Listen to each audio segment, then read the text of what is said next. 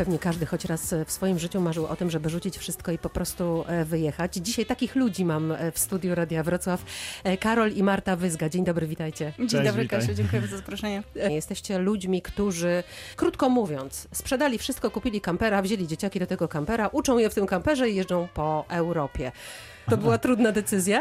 E, bardzo trudna. Wiesz, e, jak się ma dzieci, e, jesteś na nie odpowiedzialna, no to jednak trzeba robić rzeczy odpowiedzialne. Także muszę dopowiedzieć od razu, że myśmy rzucili pracę na etacie, ale to nie znaczy, że nie pracujemy. Tak? Że jesteśmy na tyle odpowiedzialni, że mamy e, przychód w postaci mieszkań, które wynajmujemy. E, mamy przy tym pomoc rodziców, bo moja mama tutaj czynnie nam pomaga przy tym wynajmie i, i mamy jednego pracownika, ale to też, żeby nie było, że my tak rzuciliśmy wszystko i po prostu jedziemy i, i hulaj dusza.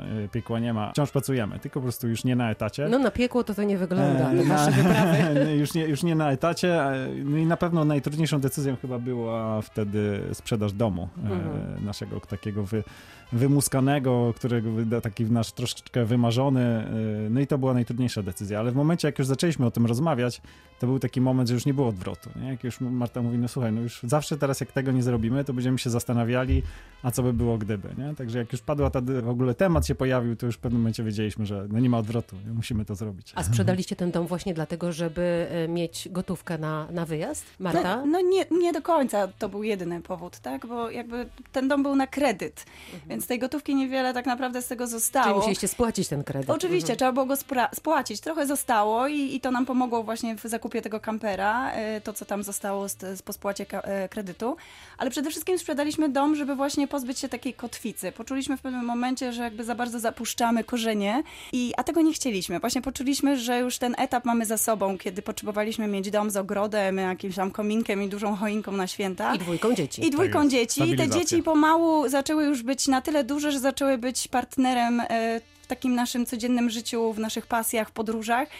I ten dom był takim właśnie, taką kotwicą, e, którą poczuliśmy, że, że chcemy zrzucić, e, sprzedać właśnie dom i spłacić ten kredyt i mieć taką wolność podejmowania dalszych decyzji. Wolność, ale z drugiej strony, tak jak mówicie, pracujecie e, oboje. E, Zaplanowaliście to wszystko krok po kroku, zrealizowaliście każdy z tych kroków? Epidemii, epidemii nie zaplanowaliśmy, No, e, więc niestety. ona mocno pokrzyżowała nam plany, ale generalnie tak, ze dwa lata to trwa, kiedy nasz plan jest realizowany i póki co no idzie dobrze, no po prostu jak się wydarza takie coś jak epidemia.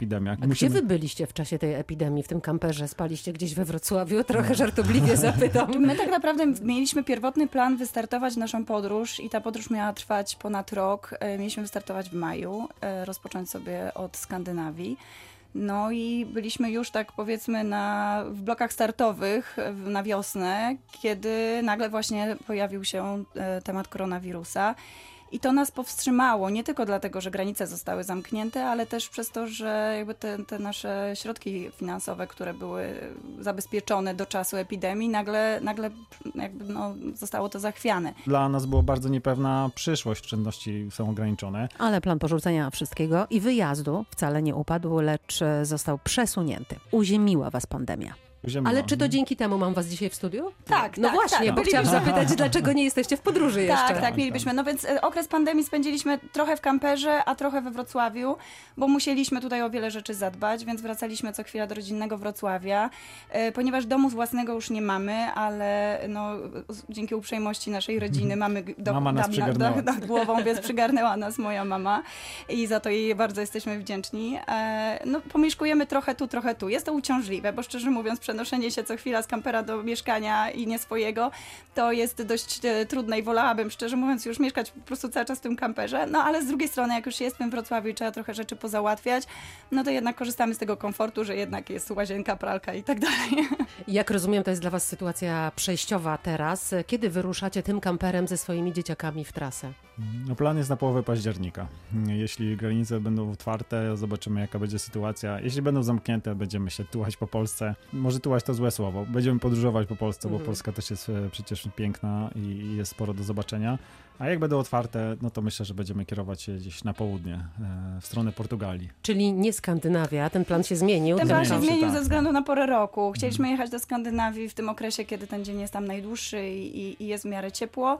Teraz, skoro już poma, pomału się zbliżamy w, do tego okresu takiego bardziej jesienno-zimowego, no to jednak e, zmieniliśmy plan i teraz byśmy chcieli jednak jechać w kierunek Portugalii. Dzieci, one nie chodzą do szkoły.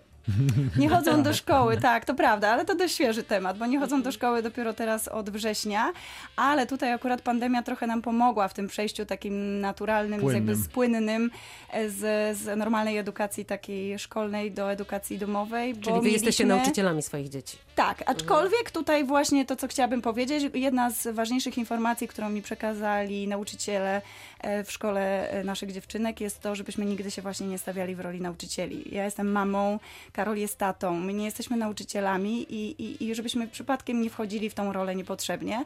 I, i to też pomaga naszym dzieciom e, brać e, odpowiedzialność za własną naukę, bo Czyli to one trochę się uczą same, a wy jesteście takimi pomocnikami. osobami, które wskazują kierunek. Tak, Tak, trochę pomagają, trochę bardziej pomagają. Nawet on, znaczy kierunek jest określony, bo jest podstawa programowa, którą my znamy i której się trzymamy.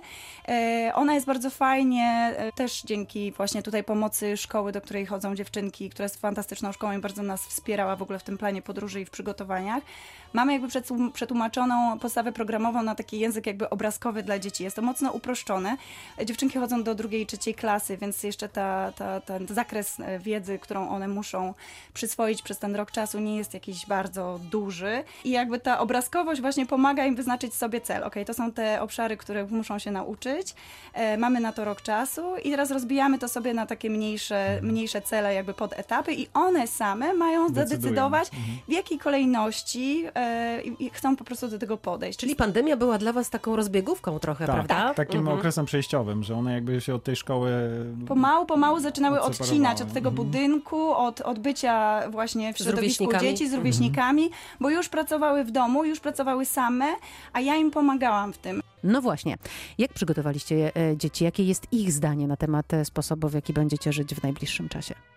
Znaczy my byśmy tego nie zrobili bez ich e, jakby chęci i woli, tak? To jest jakby nad, nadrzędne. I w ogóle m, podejmując mm, tą decyzję, pierwszą rzeczą, którą skonsultowaliśmy, to była kwestia jakby tutaj bezpieczeństwa dzieci od strony takiej psychologicznej, czy my w jakiś sposób wyrządzimy im krzywdę, biorąc je na rok czasu ze szkoły, ze środowiska właśnie rówieśników. I to Zasięgnęliście takiej tak, porady? tak, tak. Tak, Zaczęli, tak. Zaczęliśmy właśnie od e, konsultacji z e, psychologiem i z pedagogiem i w szkole, i, i nie tylko w szkole. No i generalnie usłyszeliśmy same pozytywy, tak, że, że jeśli to ma coś im, że to im po prostu zdecydowanie więcej da niż, e, niż, odbierze. ewentualnie za, e, zaszkodzi, bo często gdzieś ktoś mówi, zastanawialiśmy się, a, że ten kontakt z rówieśnikami jest taki bardzo Ważny. E, tak, Mhm. ważny. I z kolei w odpowiedzi usłyszeliśmy, że z kolei w tym e, dorosłym życiu no nie mamy kontaktu tylko z rówieśnikami, tylko w dorosłym życiu cały czas e, współpracujemy z różnymi e, i starszymi, i młodszymi osobami.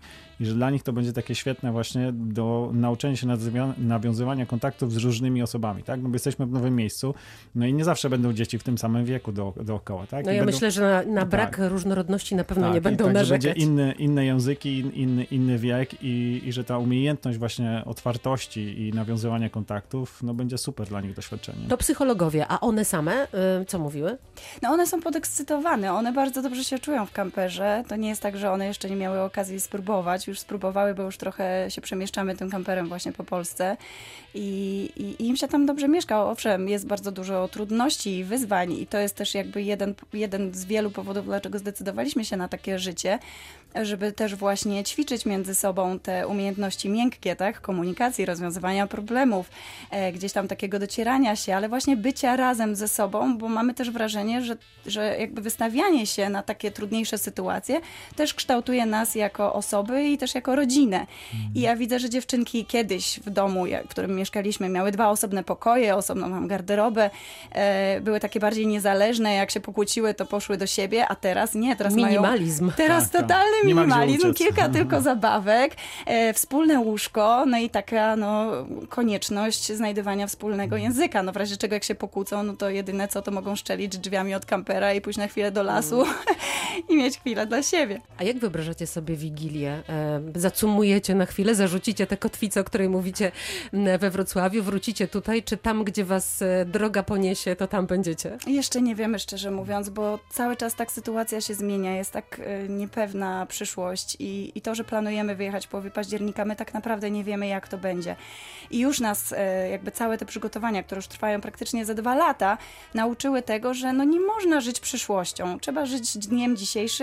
Ewentualnie można planować tam, nie wiem, kilka, kilka kroków do przodu, ale, ale nie trzymać się tego, więc tak naprawdę jest nam tak ciężko powiedzieć, co będzie za miesiąc, a co dopiero za te kilka miesięcy.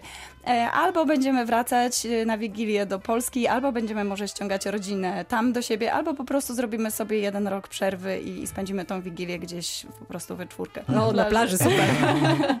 A nie boicie się tego, że, że będzie wam brakowało w międzyczasie przyjaciół, mamy, taty, rodziny? Na pewno, no, ale to jest jakby urok podróżowania, nie? Że, że też później się fajnie wraca, Mhm. jak, się, jak się stęskni. Nie jest to na całe życie, jest to jakiś tylko etap życia, a dwa, no też nie, nie wyjeżdżamy gdzieś na inną planetę, jesteśmy cały czas w kontakcie, wiele osób zapowiedziało, że będzie nas gdzieś w tej podróży odwiedzać, e, więc myślę, że tego kontaktu towarzyskiego z przyjaciółmi też nam nie będzie brakowało, a dwa, z kolei jest bardzo wielu przyjaciół, do których nigdy nie mieliśmy czasu pojechać, gdzieś porozrzucanych po całej Europie. I zrobicie to teraz. I zrobimy to właśnie teraz. Wreszcie przyszedł może ten moment, żeby wykorzystać te wszystkie zaproszenia, które przez, przez całe życie otrzymywaliśmy i, i po prostu zrobić sobie też taką objazdówkę po różnych znajomych. Wrócicie we wrześniu do tego normalnego życia, to wrócicie na te etaty też? Nie, nie, nie. No jakby Plan, plan jest taki, żeby już nigdy. Etaty były fajne i to był bardzo fajny etap naszego życia, ale to już się zmieniło. Już nie jesteśmy tymi samymi osobami i już zaczęliśmy coś innego. To ja życzę Wam bardzo szerokiej drogi po prostu w Waszym malutkim kamperze e, i tego, że jak wrócicie za rok, bo wierzę, że ta podróż e, odbędzie się według Waszych planów, to przyjedziecie do Radia Wrocław i opowiecie jak było. Pewnie, Super, bardzo serdecznie dziękujemy. Wszystkiego dobrego, bardzo Wam dziękuję. E, Moimi gośćmi byli Marta i Karol Wyzga, rodzice, którzy postanowili wziąć dzieciaki w podróż dookoła Europy na rok. No i trzymamy kciuki, żeby to się udało. Dziękujemy. Dziękujemy serdecznie. Ja jeszcze może wspomnę, nie wiem, czy, ale gdyby ktoś chciał nas obserwować, to będziemy dzielić się swoimi zdjęciami, jakimiś tam wrażeniami, może będziemy kręcić też filmy. Mamy profil e, społecznościowy pod nazwą familiaventura.pl.